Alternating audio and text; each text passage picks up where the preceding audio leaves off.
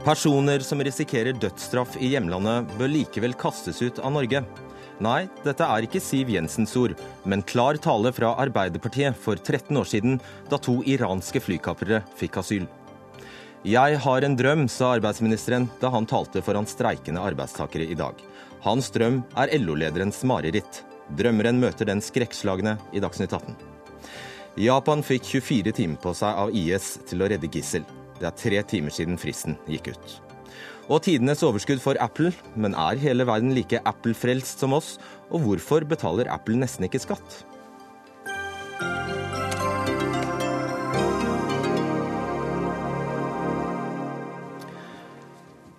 De eh, siste ukene har Frp fått så ørene flagrer for å være villig til å bryte menneskerettighetene ved å sende mulla Krekar til dødsstraff i Irak. Men la oss spole 13 år tilbake. Da mente Arbeiderpartiet at personer som risikerer dødsstraff hvis de sendes tilbake til hjemlandet, likevel bør kastes ut. Vi skal tilbake til 2002, nærmere bestemt 18.6. Da var det stor debatt rundt to iranske brødre her i landet. Flere år tidligere hadde de kapret et fly på vei fra Aserbajdsjan til Gardermoen, og ble deretter dømt til fengsel i Russland. Etter en soning dukket de så opp i Norge igjen, og fikk innvilget opphold av UDI, fordi det eneste landet de kunne returneres til, var Iran, og der risikerte de dødsstraff. Daværende kommunalminister Erna Solberg likte det dårlig, men det var lite hun kunne gjøre. Men Arbeiderpartiet visste hva som måtte gjøres. Vi skal nå høre stortingsrepresentant Knut Storberget fra den 18. juni 2002. Ja, det er slik at Når man begår såpass alvorlige forbrytelser som det en flykapring er, så setter man jo både sivile og offentlige deler av et samfunn i fare. Og mange menneskeliv eh, står i fare for å bli tapt. Og da er det vår oppfatning at man fraskriver seg faktisk eh, muligheten for å kunne anføre eh, ens egen sikkerhet. Arbeiderpartiets Knut Storberget mener altså at internasjonale konvensjoner i dette tilfellet må settes til side. Når han begår en såpass alvorlig straffbar handling og også får en rettskraftig dom for det, så mener jeg at da må han også sjøl eh, tåle eh, at man ikke får lov til å anføre eh, argumenter som går i retning av ens egen personlige sikkerhet. Men det du sier nå, det er at flykapere fortjener dødsstraff, da? Nei, det sier jeg ikke. Men man, det jeg sier er at man... Men du er villig til å ta sjansen? Nei, jeg er ikke villig til å ta sjansen heller, men, men du, det, er det er jo det som skjer hvis du sender dem til Iran? Det er flykaperen som på mange måter har tatt sjansen. Dagsnytt-reporter i 2002 var Lilla Sørlutsvik. Men det var ikke bare Storberget som mente dette. Innvandringspolitisk talskvinne i Arbeiderpartiet, Signe Øie, sa dette. Dette er fatta et vedtak som må gjøres om. De flykaprerne må ut av landet. Ellers vil det gi signaler om at vi aksepterer den form for kriminalitet. Hadia Tajik, leder i Stortingets justiskomité for Arbeiderpartiet. Hva i alle dager er dette? Dette er veldig uheldige uttalelser som jeg tar avstand fra. Det er ikke Arbeiderpartiets eh, politikk. Og jeg er òg veldig glad for å ha hørt at eh, Knut Storberget, når han hører disse uttalelsene i dag, eh, tar avstand ifra de og mener at de var ukloke. Ja, det stemmer. Han sier til NRK i ettermiddag at dette var uklokt, og han vil ikke gjentatt det. Siv Jensen, finansminister og leder i Fremskrittspartiet. Godt å få støtte fra Arbeiderpartiet? Vel, Det setter jo i hvert fall den indignasjonen Arbeiderpartiet har fremført mot eh, Fremskrittspartiet og meg de siste dagene, i et eh, litt underlig lys, for å si det litt forsiktig. Uh, I Dagbladet i går så viste en rundspørring blant FrPs medlemmer og tillitsvalgte at 65% var enige med Siv Jensen i det hun sier her. Og da skal vi høre et nytt kutt. Er du villig til å bryte menneskerettighetskonvensjonen? I sin absolutt ytterste konsekvens så er jeg det. Og da rykket du ut, Tajik, for du sa at reaksjonen fra de tillitsvalgte i Frp var unorsk. Hva mener du? At i Norge så står vi for noen grunnleggende verdier som eh, er forankra i norsk lov, i Grunnloven og i menneskerettighetene. Og de verdiene skal vi stå for, enten det er solskinn eller snøstorm. Og når det er vanskelige tider, de verdiene, eh, de grunnleggende rettighetene, de gjelder for Siv Jensen og de gjelder for mulla Krekar. Og det er noe av det som eh, skiller oss ifra mer usiviliserte land. Og dette er noe du har skjønt nå? Ja, Dette har jeg meint hele tiden. Og når det blir eh, løfta fram eh, uttalelser fra 2002, så vil jeg understreke at eh, de uttalelsene der er uheldige, og jeg tar avstand ifra de. Lakmustesten på om man har et demokratisk sinnelag, er jo ikke om man en eller annen gang i livet sier noe dumt. Lakmustesten på om man har et demokratisk sinnelag, er at når man blir konfrontert med de uttalelsene, om man klarer å ta avstand fra dem på en skikkelig måte. Det gjør jeg og Arbeiderpartiet. Men gjennom hele dagen i dag dag så har Siv Jensen og Fremskrittspartiet ikke gitt et klart ja-nei-svar på om de fortsatt står for at de ønsker å bryte menneskerettighetene. Siv Jensen, å ta avstand fra tidligere uttalelser er jo noe du av og til må gjøre. Men hva er det du mener her i dette intervjuet fra 2009? La meg først si at eh, Fremskrittspartiets politikk ligger fast. Det har vært to ting vi har vært opptatt av i forhold til Krekar. Jeg bare korrigere programlederen som innledningsvis sa at Fremskrittspartiet skal være villig til å bryte menneskerettighetene for å sende Krekar til dødsstraff. Det har vi aldri sagt. Vi har snarere tvert imot sagt at en forutsetning for å kunne effektuere utvisningsvedtaket er at han kan sendes uten å risikere dødsstraff. Det andre problemet handler om hvordan vi i mellomtiden skal kunne trygge norske borgere fra personer som vi ikke kan sende ut, men som representerer en trussel. Og da har jeg sagt at da må vi være villige til å snu alle steiner for å se og utfordre dette. Eh, og det er, jeg er enig med Hadia Tajik at eh, menneskerettigheter er grunnleggende verdier som vi skal ta godt vare på. Men det er ikke unorsk å ønske å sikre norske borgeres trygghet. Og det jeg utfordrer, er tolkningen av en del av disse bestemmelsene. Det er f.eks. bare ta ett eksempel. En av disse menneskerettighetene eh, sier at alle har retten til et familieliv. Det høres fint og flott ut, det, men hva betyr det egentlig?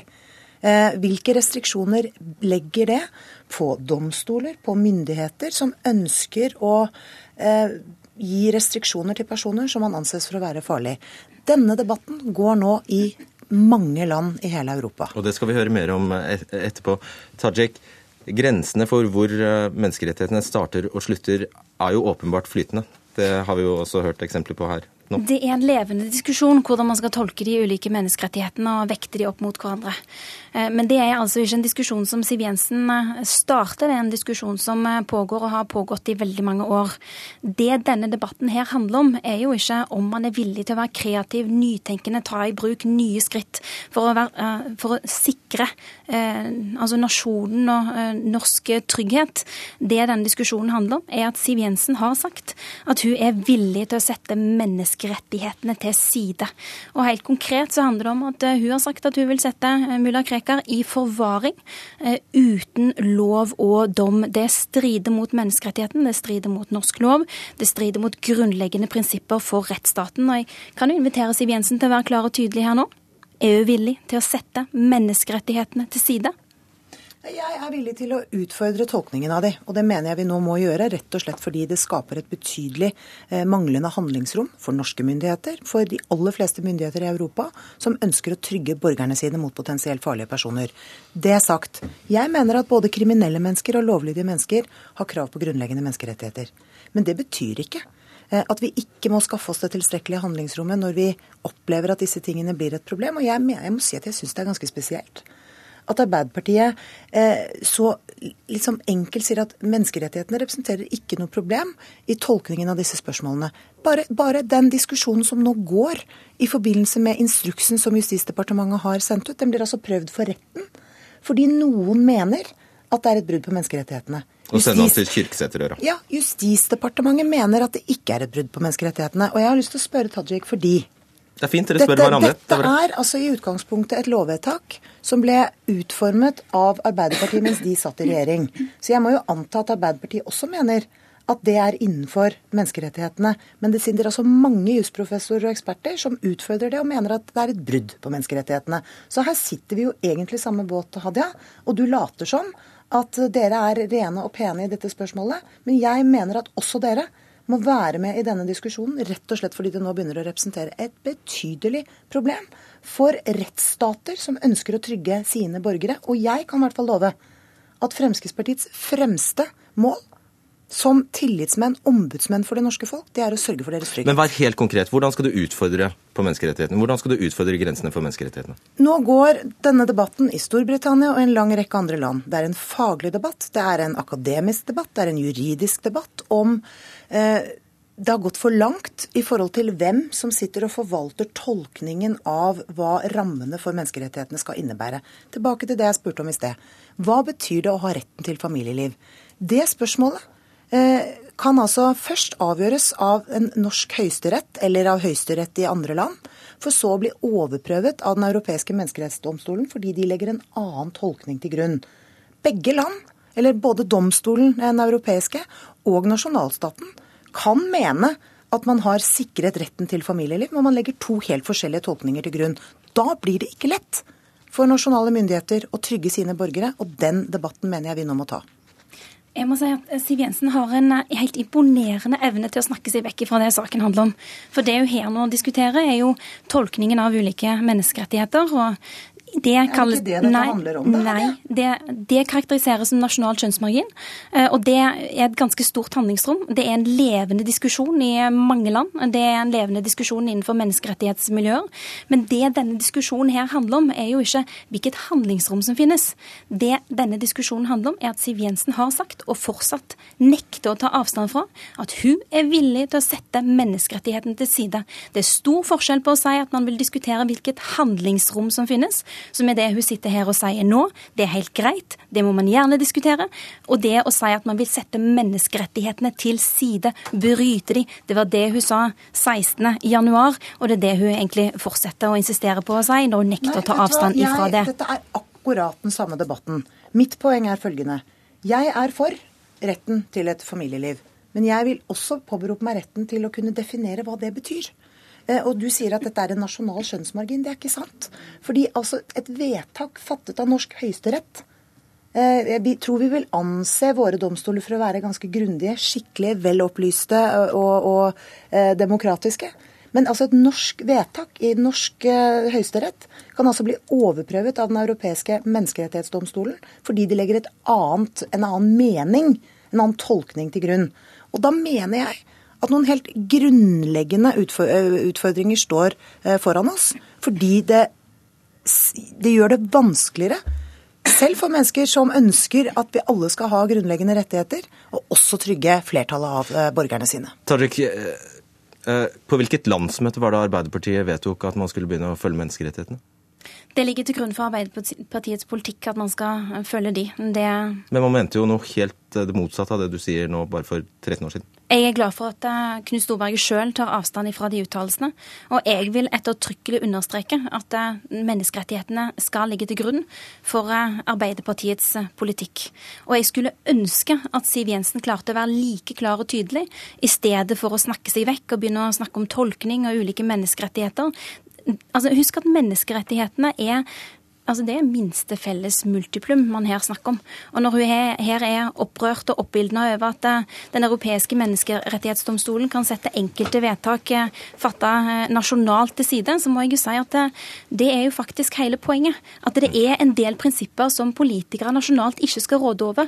Og det er det minste, minste felles multiplumet vi har som mennesker. Men vi må også sørge for at det er politikken, lovgivende myndigheter, nasjonalforsamlinger som setter noen grenser og rammer for hva slags trygghet man ønsker å ha.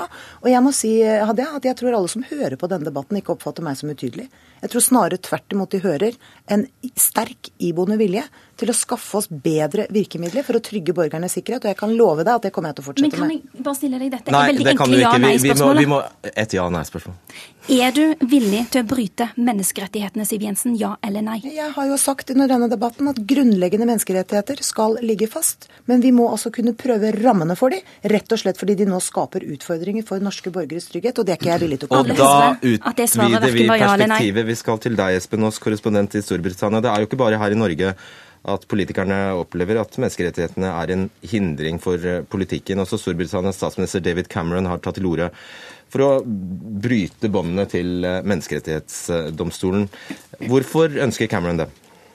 Ja, Han ønsker det ikke bare litt, men han ønsker det veldig. Jeg satt i salen i Birmingham under landsmøtet til de konservative i høst, da eh, Cameron sto på talerstolen og faktisk lovet å skrote menneskerettsloven i sin landsmøtetale. Og Begrunnelsen hans, som det for så vidt eh, er en del av nå i diskusjonen i studio, er at han vil at landet, Storbritannia, selv skal ta avgjørelser om hvorvidt utenlandske kriminelle skal ha oppholdstillatelse, eller om de kan sendes ut, i tillegg til andre saker som lengde på varetektsfengsling, retten til å frata noen statsborgerskap eh, og mer. Og han vil ikke at de eh, endelige avgjørelsene skal tas av noen jurister i Strasbourg, som han formulerte det. Og da han at, ja, unnskyld. Ja. Eh, I stedet vil han da innføre et eget britisk lovverk som skal ha en relasjon til menneskerettsloven, men være langt strengere i, i klypa. Og da snakker vi om lokale mulla Krekar i Storbritannia. Ja, altså Litt av bakgrunnen for at dette har blitt en så het potet her, handler også om utenlandske kriminelle, og også eh, folk som utgjør en terrorfare. I 2013 eh, så steg den andelen av folk som de ønsket å sende ut, men som ikke de fikk sende ut pga. menneskerettsloven, med 50 Så over 1300 kriminelle som Storbritannia ville sende ut, ble værende. Etter lange og dyre rettsrunder med høye uh, utgifter for det offentlige. Eh, ikke forlat oss, eh, Espen. Vi skal til deg, advokat Jon Wessel Aas. Eh, når du hører dette, hva forteller dette deg om politikernes holdning til menneskerettighetene? Det er vel litt vanskelig å oppsummere, men jeg tror vi kan Det er egentlig mange diskusjoner her, og jeg mener selvfølgelig at det er helt legitimt å diskutere om menneskerettighetene går for langt. Jeg argumenterer jo gjerne mot det, jeg skal ikke gjøre det nå. Men det er selvfølgelig en legitim debatt. Jeg syns jo derimot det er ikke legitimt å gjøre som f.eks. vi hørte Storberget si i 2002, selv om han ikke ville innrømme at det var det han sa. Men det han egentlig sa, er at eh, denne typen mennesker har fraskrevet seg retten til livet. Det er jo det han sier, og aksepterer jo da dødsstraff. Kan man endre et sånt standpunkt på 13 år? Selvfølgelig kan man det. Med troverdighet? Ja, altså jeg mener at alle kan endre standpunkt med troverdighet hvis de følger det opp. Men, men det er klart, altså torturvernet det er jo, det er jo ikke en, et vern som er relativt. Altså Det er et absolutt vern. Så der er det ikke snakk om eh, hva som skal til for å kunne gjøre unntak fra torturvernet. Selv om vi har jo sett forsøk på det i, i de siste ti årene også fra våre allierte, på å argumentere på den måten. Mens andre rettigheter som ytringsfriheten, retten til familieliv, eh, personvern, det er jo relative rettigheter, hvor det hele tiden er snakk om at inngrep de må begrunnes, de må være nødvendige og forholdsmessige. Og det er jo da en juridisk vurdering eh, i domstolene. Uh, og det, det er jo, der er det jo ting man kan diskutere, selvfølgelig. Men jeg, jeg vil jo også det er, det, er, det er, når ting kommer under press at vi ser at det svikter litt. da, Eller at viljen til å, å svikte disse prinsippene kommer. Når du har et menneske på terskelen din som har begått avskyelige handlinger? For eksempel, eh, altså Vi kan jo gå tilbake til et av de Landsvik-oppgjøret. Eh, det har det jo vært eh, mye vil jeg si, berettiget kritikk av, med lovgivning med tilbakevirkende kraft osv. Eh, det var selvfølgelig en ekstrem situasjon, men det er jo et eksempel på hvor samfunnet opplever noe hvor de på en måte klarer liksom ikke å holde seg i skinnet. Noe må gjøres. Men jeg vil jo gjerne også si at jeg syns det, er en litt merkelig diskusjon når vi bare tar for oss altså Krekar er jo et eksempel nå, selvfølgelig. men den trusselen han utgjør, altså gjør han noe straffbart i Norge, så straffes han og puttes i fengsel. Det har han blitt for trusler. Nå er han sonet ferdig, sånn som det er med alle andre. Den trusselen han utgjør, hva gjør vi? Eneste grunn til at de diskuterer å sende han ut, det er fordi han ikke har statsborgerskap, så vi har retten til det. Og det er helt greit. Hva med en statsborger i Norge som utgjør tilsvarende trussel, men ikke har gjort noe straffbart? Skal vi begynne å putte dem i forvaring også? Eller betyr ikke den trus samme trusselen det samme?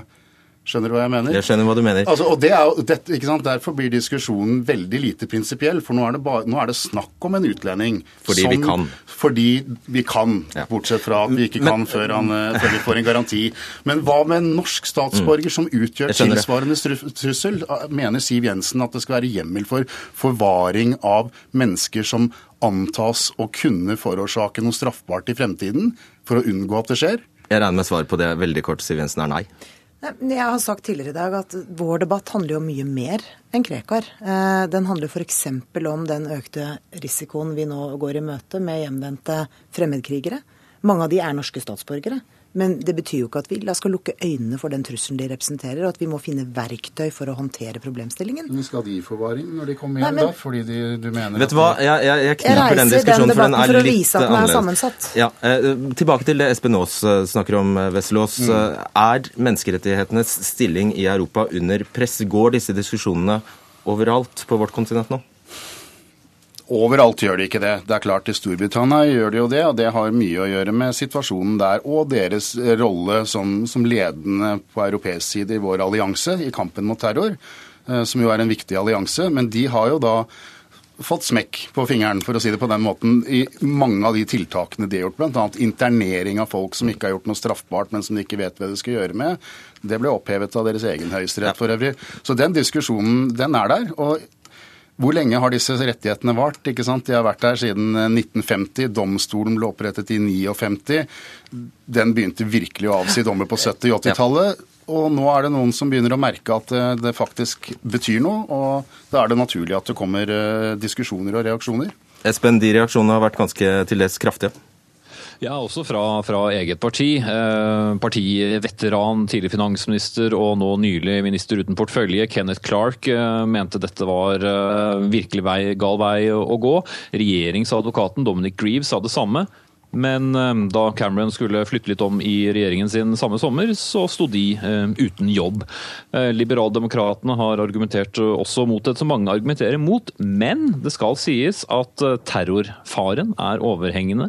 Mange vanlige folk mener det samme eh, som regjeringen. Når vi har eh, en så eh, stor utfordring økonomisk, hvorfor skal det gå med så mange millioner på disse rettssakene? Hvorfor kan vi ikke bare eh, stenge døra? Litt av bakteppet her er jo også selvsagt eh, Storbritannia, eller særlig Englands eh, aversjon mot at noe skal bestemmes andre steder, særlig i EU-tilknyttede organer. Mm, Takk skal du ha, Espen Aas. Hadia Tajik, helt på tampen. Er det sånn at det aldri, aldri, aldri kan være aktuelt å prioritere samfunnets trygghet foran enkeltmenneskets? Det er jo det det å være et demokrati handler om. At man skal klare å ivareta eh, frihet og sikkerhet på en og samme tid. At man skal ivareta rettsstaten samtidig som man har kraftfulle virkemidler mot eh, terror og mot personer som kan utgjøre en fare for eh, rikets sikkerhet. Det diskusjonen i Storbritannia viser, det er at frykten for terror er en farlig følgesvenn og kan gjøre at politikere begynner å lefle med ideer om å flytte på rettsstatens prinsipper, sånn som Siv Jensen gjør her. Eller hvis vi får flykapere hit til landet. Takk skal dere ha, Siv altså- Jensen. Ja. Det er altså sånn at Hadia Tajik sier at hun er for kraftfulle virkemidler. Det er de vi nå leter etter å skaffe oss. Takk skal dere ha. Siv Jensen, Hadia Tajik, Jon Wesselås og Espen Aas.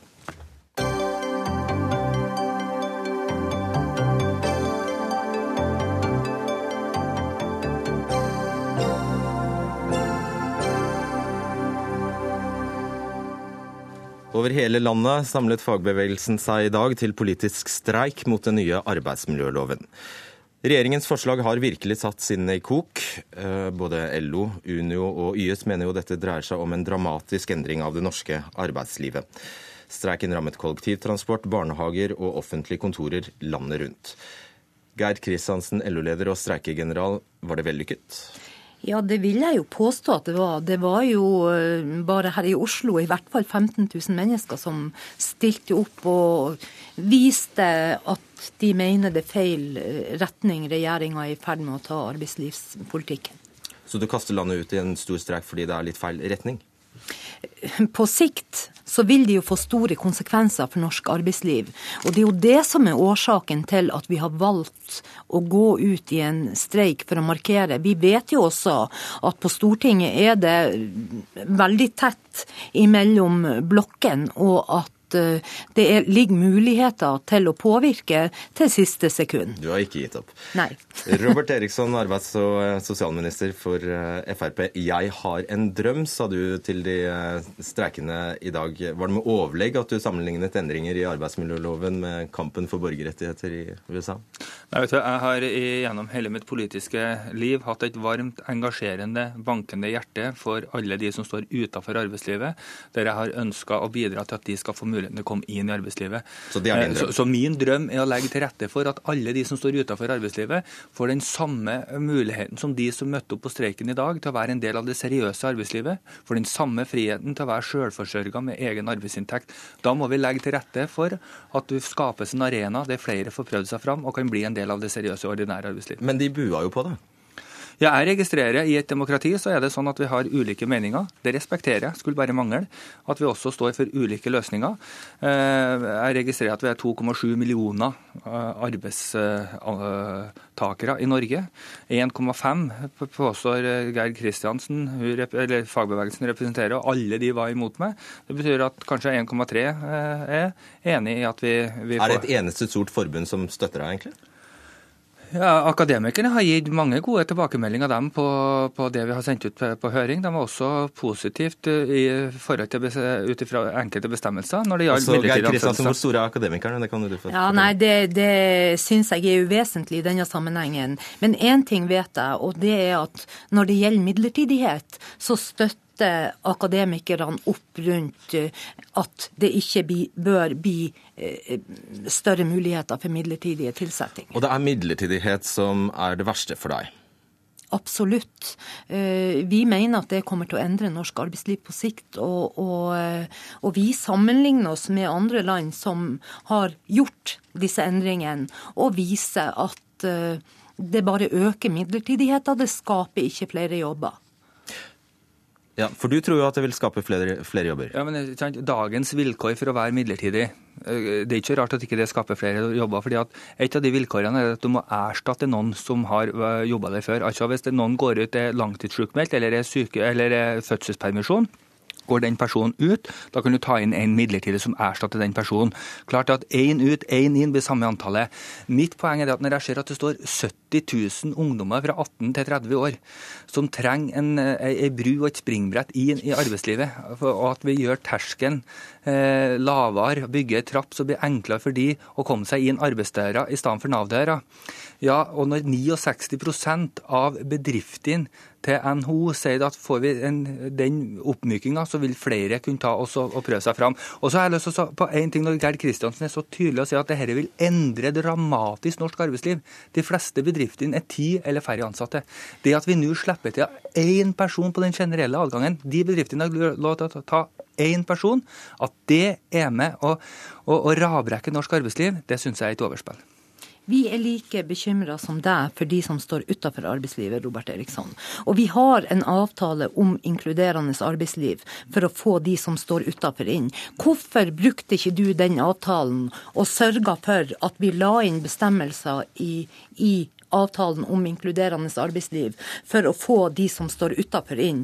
Du velger heller å ta hele arbeidsmiljøloven, gjøre endringer for hele det norske arbeidslivet. Det er vi dundrende uenig i. Nei, men jeg har gjort det gærent. Hvis du har fulgt med på de forslagene som jeg har lagt fram henholdsvis den 5. desember og den 12. desember, så har jeg fulgt opp den 5. desember sammen med midlertidige ansettelser, må også ses i sammenheng med nytt varig lønnstilskudd, der du kan, arbeidsgiveren du kan få dekt fra 60% av lønna til 75% av lønna. Og at det er varig hvis du står i fare for å bli uføretrygda helt fram til pensjonsalder.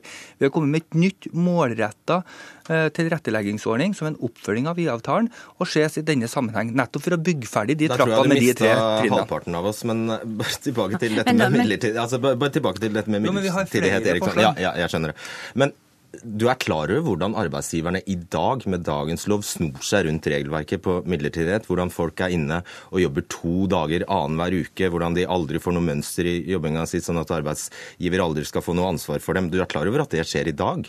Ja, og det med dagens regler som Gerd Kristiansen Og når du åpner opp enda mer? Nei, for jeg har begrensninger. Jeg har begrensninger med kvote- og karantenebestemmelse, samtidig som at jeg har en begrensning der at de personene som eh, jobber midlertidig på den generelle adgangen, ikke skal få ubekvemme arbeidstider.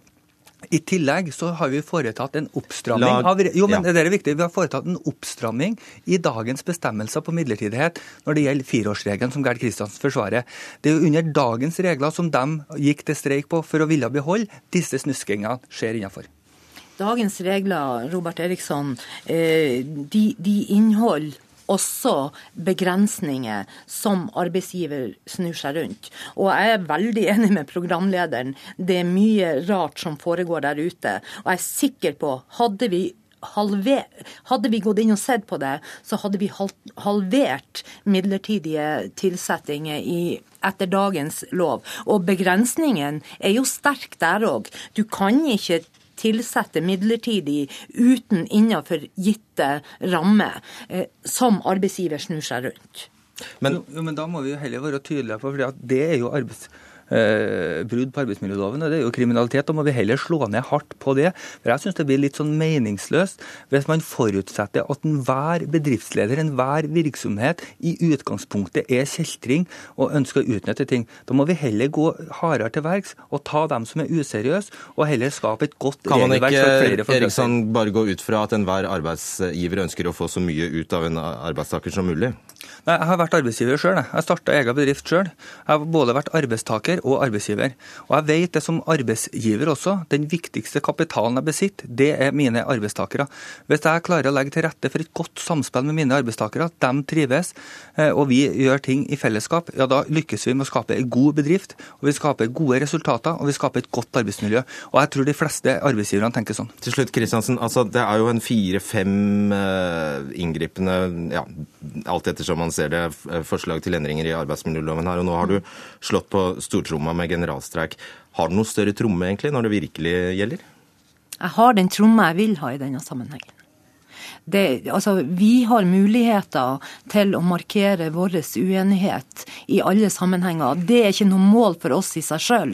Vi kommer til å jobbe for å påvirke de som sitter på Stortinget, inntil at klubber faller i denne saka. Og da sikter du til partiet? Da sikter jeg til alle partier. Det er jo ikke alle partier som er overbevist om at vi har den rette At vi tenker riktig. Eh, men Trine Skei Grande sto på talerstolen i dag og sa bl.a. at hun var opptatt av å få et bredt forlik på Stortinget. Eh, det syns jeg, jeg, er positivt. Mm. Blir det endringer i dette forslaget? Helt til slutt. Det må du nesten spørre Stortinget om. Eh, regjeringa sitter ikke i Stortinget og forhandler. Det er det Stortinget som eh, Regjeringa leverer saker til Stortinget. Stortinget ferdigbehandler saker. Er lovgivende forsamling. Sånn har det alltid vært, og sånn vil det vel også være i fremtida i, i, vårt demokrati. Men jeg har god tro på de signalene jeg har fått både fra Venstre og KrF. Har god tro på at, de, at retningen av de forslagene vi har lagt fram, vil bli vedtatt i Stortinget. Vi skal fortsette temaet, men takk til dere, Robert Eriksson og Gerd Kristiansen. Eh, og inn i studio kommer vår egen eh, politiske kommentator, Magnus eh, Takvam. Det vi er vitne til her, er jo nesten to forskjellige verdener. Hvordan er, hadde jeg nær sagt, det mulig? Jeg tror det er mulig ut fra hvem du spør. Og hvis du tenker på forskning om dette, så er det klart at det fins ikke i øyeblikket en entydig forskningsmaterie som kan slå fast hvordan denne typen endringer kommer til å påvirke det norske arbeidsmarkedet i framtida. Og det er vel nettopp den usikkerheten som gjør at såpass mange går imot forslaget også, eh, sånn som meningsmålinger og sånn eh, viser. Sånn at her er det to helt forskjellige verdener som, som eksponeres når det gjelder synet på, på effekten av det. Og Hva er da årsaken til at dette vekker så sterke følelser? Altså Politisk sett så er jo arbeidsmiljøloven en av de skal vi si, aller mest potente sakene for ja, venstresiden, fagbevegelsen. Eh, de fleste som følger norsk politikk, husker 2005, eh, da nettopp kampen mot Bondevik II-regjeringens eh, liberalisering av arbeids, arbeidsmiljøloven førte til en voldsom mobilisering av de rød-grønne. Eh, slik at eh, det å eh, liberalisere den i det hele tatt er i seg selv et signal som utløser veldig veldig mobilisering. Nesten på linje med å, røre sykelønnsordningen. Det gjør man jo ikke. Nei. Nei. Så er det slik at det er altså staten som er versting, det har vi hørt mange ganger. Men 17% av tilsettingsforholdene i statlig tariffområde er faktisk midlertidige. Mm. Er det et paradoks? Ja, Det kan jo absolutt være det. Eh, eller mange, mange, vil jo mene at staten burde gå foran eh, som et godt eksempel i den sammenheng. Eh, men det er en krevende debatt, fordi mange hevder at det som skjer i staten, er et misbruk eller en, en, uthuling av den eksisterende eh, loven som gjelder på det området for de statlige ansatte, tjenestemannsloven.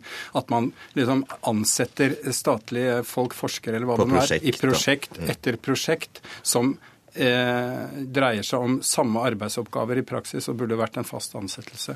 Men eh, nå eh, handler, eh, handler, jo stortingsdragkampen om arbeidsmiljø Eh, loven. Og vi hørte her at Geir Kristiansen antydet eller hadde et håp om at, at det kunne bli endringer. Eh, og, er det realistisk?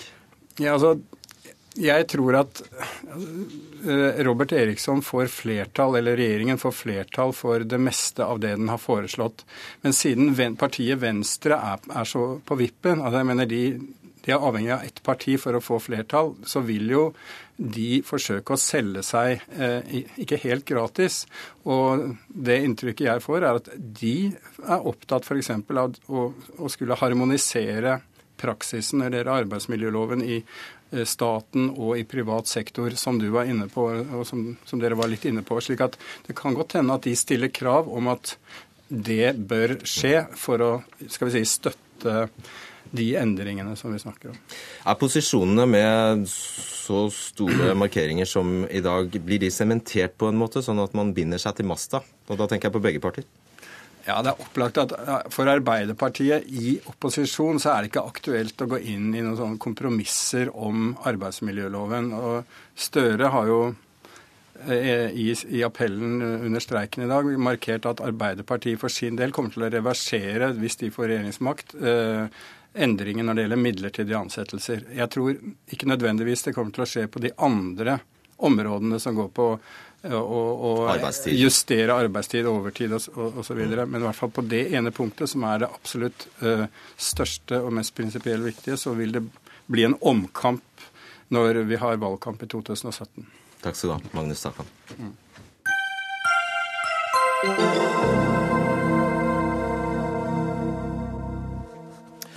Situasjonen til den japanske frilansjournalisten som holdes som gissel av IS, er fortsatt eh, uavklart. I går dukket Kenji Goto opp i en video med kunngjøring om at han ville bli drept innen 24 timer dersom ikke jordanske myndigheter slapp fri en kvinnelig jihadist fra fengsel. Fristen gikk ut eh, klokka 15 i ettermiddag. Vi har med oss eh, Eivind Lande, du er doktorgradsstipendiat ved NTNU, hvor du tar doktorgrad på Japans utenriks- og sikkerhetspolitikk, og du følger nå gisseldramaet i japanske medier. Hvordan omtales gisseldramaet der? Eh, gisseldramaet har vært omtalt eh, som en toppsak, både på, tatt opp på japansk radio og de toneangivende japanske avisene. Eh, det var to gisler først, da, og først sette IS en frist. Det var på onsdag i forrige uke. Eh, så gikk eh, frist, Det var en 72 timers frist som da gikk ut på fredag. og Det tyder på at den, det første gisselet ble drepen. Eh, og så da kom i går den nye fristen som gjaldt den, det andre gisselet. Og IS krev som sagt at en jordansk terrorist eller en jordansk fange blir sluppet fri. Og Så gir altså statsminister Shinzo Abe inntrykk av at Japan ikke på noen måte vil innfri krav fra IS. Men samtidig har altså Japan opprettet krisestab i Jordan. Hva har de klart å oppnå? Eh, det har oppretta en krisestab som er leid av den japanske viseutenriksministeren i Jordan. Eh, hele denne saka skjedde mens den japanske statsministeren med, med flere ledende regjeringsmedlemmer og politikere var på rundreise i Midtausten. Eh, og eh, statsministeren reiste da tilbake til Japan, og viseutenriksministeren ble igjen i Jordan. De har forsøkt å nå IS via forskjellige kontakter, eh, som mange lands statsleirer. Abbas i Palestina, i tillegg til stammeleirer i Syria. Det kan hende det nå pågår forhandlinger mellom Japan, jordanske myndigheter og IS om ei fangeutveksling, men eh, så vidt jeg vet har det ikke kommet ut noe i det siste. Det kan hende altså at det går mot ei løsning. men... Mm. Cecilie Hellestveit, du er forsker ved ILPI, International Law and Policy Institute. Eh, Jordan kunngjorde at de var villige til å løslate en kvinnelig jihadist i bytte mot den eh, jordanske piloten IS har holdt som gissel. Og som vi hører her, så foregår det forhandlinger. Hva slags forhandlinger er det? Nei, Det handler jo nettopp eh, fra jordanske myndigheters side om å prøve å få løst denne konflikten med den jordanske piloten. Og så har jo japanerne på en måte kommet inn eh, og blitt en del av de forhandlingene. Det er forhandlinger som eh, jordanske myndigheter ikke fører direkte med IS. Ingen stater snakker direkte med IS eh, pga. den legitimeringen som implisitt ligger i det, men man går via, mellommenn. Og jordanerne de har særlig da stammeledere i store muslimske, sunnimuslimske arabiske familier i Jordan, som har nettverkene sine over grensen til Syria og Irak. Eh, og Det som har skjedd i eh, IS-kontrollerte områder de siste månedene, mens vi har hatt fokus på Kobani, som nå har blitt frigjort fra IS, og kurdiske områder i Irak, hvor det også har blitt, måte, blitt press på IS som har trukket seg nedover, og eh, grenseområdene mot Iran har også på en måte IS måttet gi slipp på, så har IS samtidig tatt mer og mer kontroll over sunnimuslimske arabiske områder i Syria Syria sørover, altså mot grensen til Jordan. Jordan. Så IS er på vei mot eh, Jordan, og det er klart at dette her er et sunnimuslimsk arabisk land hvor det også er familier som finnes på, på alle sider av grensa, som, som, på en måte finnes i IS-områder. I Irak og i Syria og i Jordan. Og Det er klart det gjør at jordanske myndigheter har muligheter for eh, forhandlinger. Det som er utfordringen her, er at eh, man nå tenker mange teorier rundt hvorfor velger IS å gå fra å kreve penger for disse japanerne til plutselig å fokusere veldig mye på, på denne gisselen som sitter i jordansk fangenskap. For de var ikke spesielt opptatt av henne tidligere? Nei, det er noe som har kommet inn de siste dagene. Og jeg tror nok ikke man skal se det helt uh, uløsrevet fra den utviklingen som jeg nettopp beskrev, om at de har på en måte mistet Kobani, og at IS muligens nå ønsker å, å på en måte få et fokus mer mot Jordan. Mange har fryktet dette lenge, fordi Jordan er et land for det første som har en god god del problemer internt. De har veldig mange fremmedkrigere i IS sine områder. De er faktisk det landet etter Tunisia som har høyest antall fremmedkrigere i IS sine rekker per capita. Eh, og det er også slik at det at Jordan til en viss grad har deltatt i bombingen av IS i Syria, det er noe jordanere er veldig ukomfortable med. Også fordi det er mange av slektningene til de store stammene i Jordan som faktisk er sivile i de områdene hvor disse bombene slippes. Så dette her er da eh, en problemstilling som stiller jordanerne veldig i skvis overfor sin hjemlige opinion. Men så er jo da utfordringen at denne terroristen som skal løslates, var en eh, kvinnelig selvmordsbomber som forsøkte å sprenge seg i luften på SAS Radisson, faktisk, i Amman i 2005. Hun kom da fra Irak eh, og samarbeidet med Sarkawi, som etablerte ISI i Irak, altså forløperen til det som har blitt IS i dag. Og det sies vel også at eh, Bak, altså Bagdadi, som leder IS i dag, han tilhørte den gruppen på det tidspunktet hun var der. Så det er både en sånn mer sånn kanskje personlig link mellom de, men også det faktum at hun er en veldig sånn symbolsk viktig person for IS å bruke, fordi hun er kvinne. Hun sitter fengslet i jordanske fengsler, og det har vært anklager om at hun har vært utsatt for veldig dårlig behandling.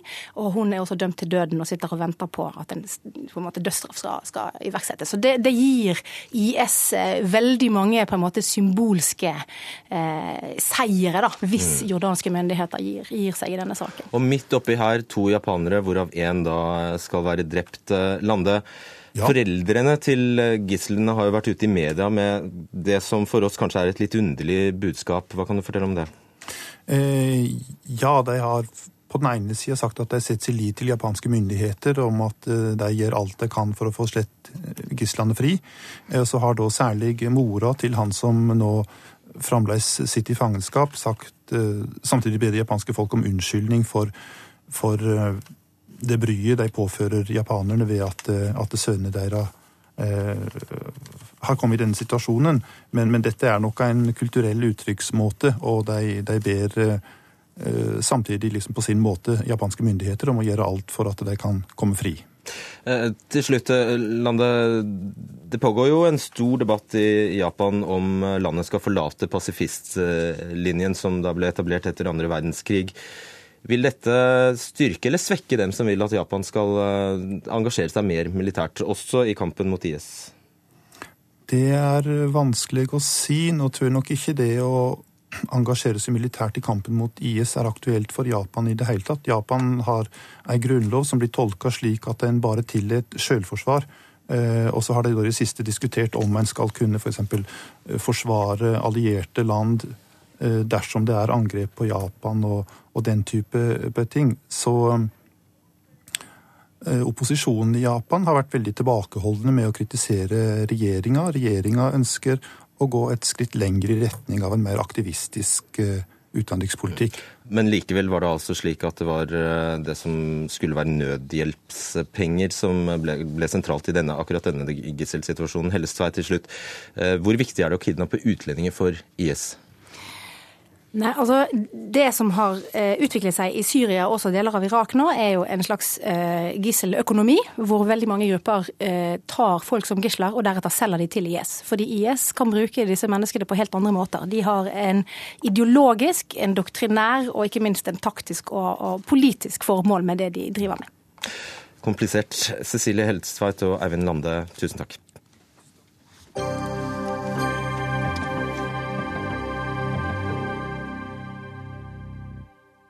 Kanskje sitter du akkurat nå og surfer på iPhonen din, eller kanskje ser du på Dagsnytt 18 på iPaden din. Bare i Norge selger teknologiselskapet Apple for milliarder, og i dag la Apple fram det største overskuddet for noe børsnotert selskap noen gang. I siste kvartal i fjor hadde selskapet et overskudd på 18 milliarder dollar, dvs. Si 140 milliarder kroner. Og samtidig betaler de nesten ikke skatt. Teknologijournalist i Aftenposten Per Christian Bjørking, hva er hemmeligheten bak Apples suksess? Ja, På overflata så er dette ganske enkelt. Det var det at eh, Apple eh, presenterte i fjor høst eh, de nye store telefonene. Det var stor og enda større. Og det har ført til et ras av salg, i, spesielt i Asia. Og det Eh, altså en voldsom økning, opp, over 50% økning der. Eh, jeg tror eh, de sa at det var en økning på over 80% i Kina, og Kina er nøkkelen. Eh, som vi alle vet. Og sånn på overflata så er det det som gjør at de nå plutselig spratt opp og ble, ja, skapte en verdensrekord. Og da snakker vi om iPhone 6. Ja. Eh, disse telefonene er jo kjempedyre, og de lever kort tid. Hva er, hva er da clouet? Dette her er jo mye, har jo en mye lengre historie og er mye dypere selvfølgelig enn akkurat størrelsen på telefonen, selv om det var det folk ville ha nå, helt klart. Jeg tror det dypest sett eh, handler om eh, fristelse, rett og slett. Uh, en ting er at Apple klarer å lage gode produkter, men de klarer også å gjøre dem fristende. Så fristende faktisk at det er jo det som er problemet egentlig nå. Hvis du ser på eh, debatten i Norge i dag, som da er jo et veldig modent mobilmarked, så er det jo det at vi bruker disse tingene for mye som er problemet. Greier ikke å legge dem fra oss. En av grunnene til dette gode resultatet i dag er altså salg av 74,5 millioner eh, iPhoner. Men en annen grunn, som eh, New York Times påpeker, er at IT-giganten utnytter alle knep, smutthull og gråsoner eh, for å betale så lite skatt som eh, mulig. Og Av disse rekordinntektene på 34,2 milliarder dollar i fjor, så betalte Apple 3,3 milliarder dollar i skatt, noe som tilsvarer 9,8% Hvordan er det mulig? Dette er jo noe som alle disse store selskapene i Silicon Valley driver med. De ansetter eh, skatterådgivere, og de vet hvordan eh, de skal eh, plassere overskuddet, sånn at det ikke blir nødvendig å betale skatt. De setter dem i land med veldig lav skatt, og så overfører de pengene dit. Og så er det f.eks. vanskelig å ta pengene hjem til USA. De blir stående i utlandet for å unngå beskatning, bl.a. Så gjør Apple mye rett, men det gjør vel noe feil òg? Ja, de gjør noe feil, og det er veldig interessant å se nå hvordan det skal gå med Apple Watch f.eks., som er den nye eh, produktkategorien. Første gang etter at Steve Jobs eh, døde, skal de altså lansere en helt ny eh, kategori. Og jeg må jo si at jeg har eh, mine tvil til at det blir en like stor suksess det, som det har vært tidligere, som f.eks. med iPad, men det var jo veldig mange som sa at også iPad eh, ikke skulle slå an. Det var jo bare en stor eh, telefon. Ikke sant. Vi skal høre et lite klipp av den avdøde grunnleggeren av Apple, Steve Jobs, fra da han lanserte iPhone i 2007. These are not three separate devices. This is one device. And we are calling it iPhone. Today, today, Apple is going to reinvent the phone. Det føles som en evighet siden. Hvordan har Apple merket at Jobs ikke lenger er med på laget?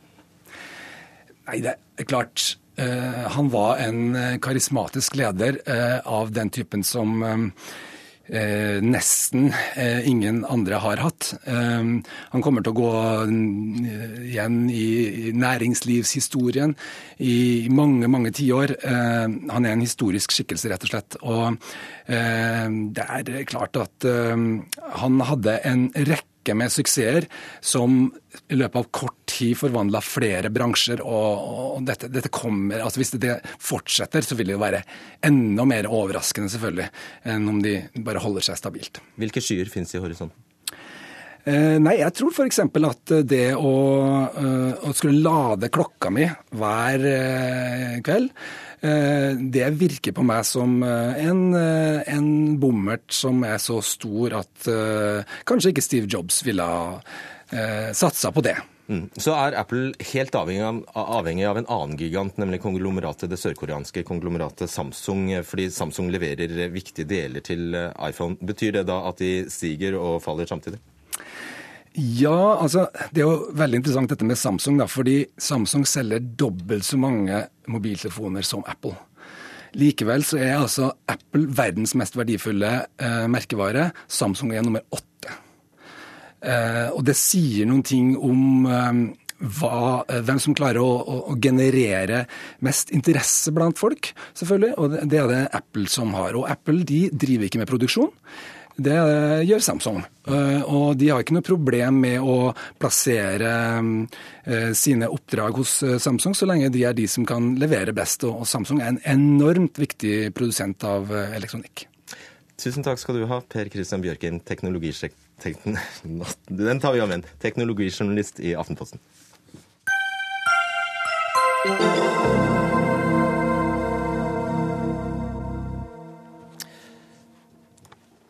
Siden eh, Aleksandr Litvinenko døde, døde, under mystiske omstendigheter i 2006, har eh, konspirasjonsteoriene vært mange og anklagene desto flere. Og Denne uka startet granskingen som skal gi svar på om russiske myndigheter var involvert i drapet. Lene Wetterland, du er leder for eh, Russlandsavdelingen i Den norske Helsingforskomité. Først, hvem var Litvinenko? Eh, Litvinenko var en eh, FSB-offiser som steg raskt i gradene. Han begynte først i eh, innenriksministeriet på, på lavere nivå skole, og steg veldig raskt i gradene, helt opp til han fikk jobbe med internasjonal kriminalitet i, i FSB. Og så hoppet han av til Storbritannia? Ja, det var jo ikke så enkelt. Han, da han kom opp i toppen i FSB, så oppdaget han flere sammenhenger som han som han reagerte på. Eh, han er bl.a. blitt kalt for en, en varsler, eh, fordi han så at um, toppeliten i FSB og i, Russ i, i, Russland hadde kontakter til internasjonal kriminalitet. Han tok dette opp internt, men det ble ikke reagert på den måten som han hadde håpet. og Derfor gikk han ut med det også offentlig. Og så er det Derfra så ligner denne historien på en James Bond-historie. For en tidligere spion hopper da av og blir forgiftet. Hva skjedde da? Eh, han ble jo eh, oppsagt fra FSB pga. at han snakket offentlig om disse tingene. Så reiste han med familien til, eh, til Storbritannia, fikk politisk asyl der. Og så begynte han å jobbe for MI6 som rådgiver. Han jevn, fikk jevnlig lønnsutbetalinger fra de. Eh, han kom med påstander om at eh, Putin og toppene i FSB kjente direkte til en del større hendelser i, i Russland eh, de siste årene. Og ja, pleiet nær kontakt med Beresovskij, som tidligere var en nær venn av Putin, men som så falt i unåde. Så det var nok å, nok å ta av der. Og da ble han forgiftet? Ja. Eh, rett før han skulle vitne i, i Spania i en, i en, sak om internasjonal kriminalitet der, så um, følte han seg uh, veldig dårlig etter han hadde vært og drukket te med to tidligere FSB-kolleger. Uh, han ble dårligere og dårligere og døde tre uker senere på sykehus. Og da, Espen Aas, korrespondent i Storbritannia, du er jo denne sendingens gjennomgangsfigur. Da er det slik at en britisk domstol eh, som i en ni uker lang undersøkelse skal undersøke drapet på Litvinenko. Eh, hva er det denne domstolen eh, håper å finne ut av? Det er jo kastet opp en, en, mengde påstander her, og en av dem som har vært kanskje mest ivrige, er jo hans eh, enke, som omsider da har fått lov til å ta denne saken til den offentlige granskingen. Påstanden er jo da at det var to tidligere KGB-agenter som myrdet Litvinenko på Millennium Hotel midt i London her. og så har jo andre påstått at det var han selv som hadde denne svært radioaktive giften, mens eh, enken mener da at dette eh, kom fra Russland. Ja, hun sa i går også at dette var det beviset på at Litvinenko ble et offer for en dysfunksjonell stat, nemlig Russland, hvor kriminelle og politikere for lengst har smeltet sammen. Og hennes advokat sa at den som ga godkjennelsen, det var Vladimir Putin selv ingen andre enn Vladimir Putin selv. Men så retter også Litvinenkos familie anklager mot britiske myndigheter. Hva går det ut på? Det har jo tatt veldig lang tid, og denne offentlige høringen er jo tidligere blitt eh, avvist. Det var jo først da eh, forholdet mellom Storbritannia og Russland for alvor kom på sitt verste eh, frysepunkt siden den kalde krigen i forbindelse med eh, Ukraina-saken, at denne kom opp igjen likevel. Så hun har jo beskyldt eh, britiske myndigheter for eh, å trenere dette, dra føttene etter seg, som vel var formuleringen, mens britene har jo hevdet at dette er en vanskelig sak fordi han tilhørte Her Majesty's Service, MI6. og og eh, derfor var mye unntatt eh, offentlighet. Men eh, nå er de her, og en av de tiltalte, eller mistenkte, unnskyld, har jo sagt til en radiostasjon i Moskva etter gårsdagen at det er derfor denne kommer opp nå, for nå har de ikke noe mer å tape. Men den ville aldri ha kommet opp dersom ikke forholdet har blitt så dårlig mellom de to landene. Eh, Vetteland Litvinenko sa jo faktisk selv på dødsleiet at uh, han var blitt forgiftet av president Vladimir Putin på direkte ordre. Mm selv hvis man skulle funnet ut i denne etterforskningen og i, i rettssaken at ja, Putin var skyldig, hva, hva så? ja, det kan du si. Eh, det er jo en lang rekke med indisier som, som peker i, i, en konkret retning. Men eh, man ser jo nå at de to som er mistenkt eh, for dette, han ene har fått en sentral rolle i, i Domoen. Han er nå immun. Presidenten er selvfølgelig også immun. Russland utleverer ikke sine, sine borgere. Så for noen ville det kanskje gitt et svar på, på større spørsmål, men eh, om at det skulle få noen konsekvenser for Putin direkte, det er vel eh, mye å forvente. Mm. Eh, Espen, er det hevet over enhver tid, eller tror de fleste at uh, disse to agentene sto bak, faktisk sto bak? Altså, de var jo her, og de er jo sett på kamera både når de kommer til landet og forlater landet. Eh, slik at eh, den eh, teorien er det jo naturlig nok mange som tror på. Poenget nå er jo å eventuelt få, få befestet dette. Noe annet er jo selvfølgelig også denne giften. Eh, det ble jo fortalt i høringen i dag at den var altså så sterk at liket til Litvinenko ble ansett eh, som så farlig avfall at det måtte fraktes til et eh, egnet sted før man kunne begynne å å undersøke ham. Og så har man spor av denne giften. man har nesten kunnet spore agentene fordi stoffet er så giftig? Ja, altså Det ble jo sølt på bord. Han drakk jo uh, en del av, av, dette, for det skal da ha blitt blandet i teen hans. Men så var det også søl på bordet, så man har uh, funnet ut uh, nøyaktig hva slags gift dette her er snakk om. Påstanden imot, som jeg nevnte tidligere, er jo da at han selv skal ha vært i besittelse av denne og ved et uhell forgiftet seg selv. Mm. Vetland, det er jo for så vidt ikke første gang noen har blitt drept av en kopp te. Eh, nei, eh, og i, eh, i Russland sin sammenheng så er det heller ikke første gang at en kritiker av Putin har fått servert te og etterpå følt seg eh, dårlig. Det skjedde jo det samme med Anna Politkovskaja, eh, den kjente journalisten som, som skulle megle i Beslan-saken i, i Nord-Kaukasus. Hun fikk en kopp te på flyet og følte seg så dårlig at hun ikke kunne eh, megle i denne saken etterpå. Eh, og det er beklageligvis ikke den første gangen at en motstander av Putin har blitt utsatt for, eh, for tilsvarende. Det er Uansett om det blir bevist hvem som står bak eller ikke, så tjener det jo til å, til å skremme de som, eh, de som, har meninger som ikke de som tilsvarer med de russiske myndigheter har. Espen, til slutt, hva håper familien skal komme ut av dette? Nei, Hun håper jo, enken særlig, som er, til stede, hun håper jo å nå få eh, bevist at hun, hun, har rett. Jeg må jo også legge til at den har fått eh, vanvittig vanvittig stor oppmerksomhet her i Storbritannia etter i går. Denne saken preget forsidene på veldig mange aviser, og dette sporet som da leder mot Putin er naturligvis, eller denne påstanden mot Putin er naturlig nok en, en gjenganger her. Det skal da påstå i, pågå unnskyld, i over to måneder dette, så vi får se hva som kommer frem. Det er pikant. Takk skal dere ha, Lene Wetteland og Espen Aas med oss fra London. Og da gjenstår bare å si at ansvarlig for Dagsnytt 18 i dag var Ida Tune Øritsland, teknisk ansvarlig Finn Lie, og jeg heter Fredrik Solvang.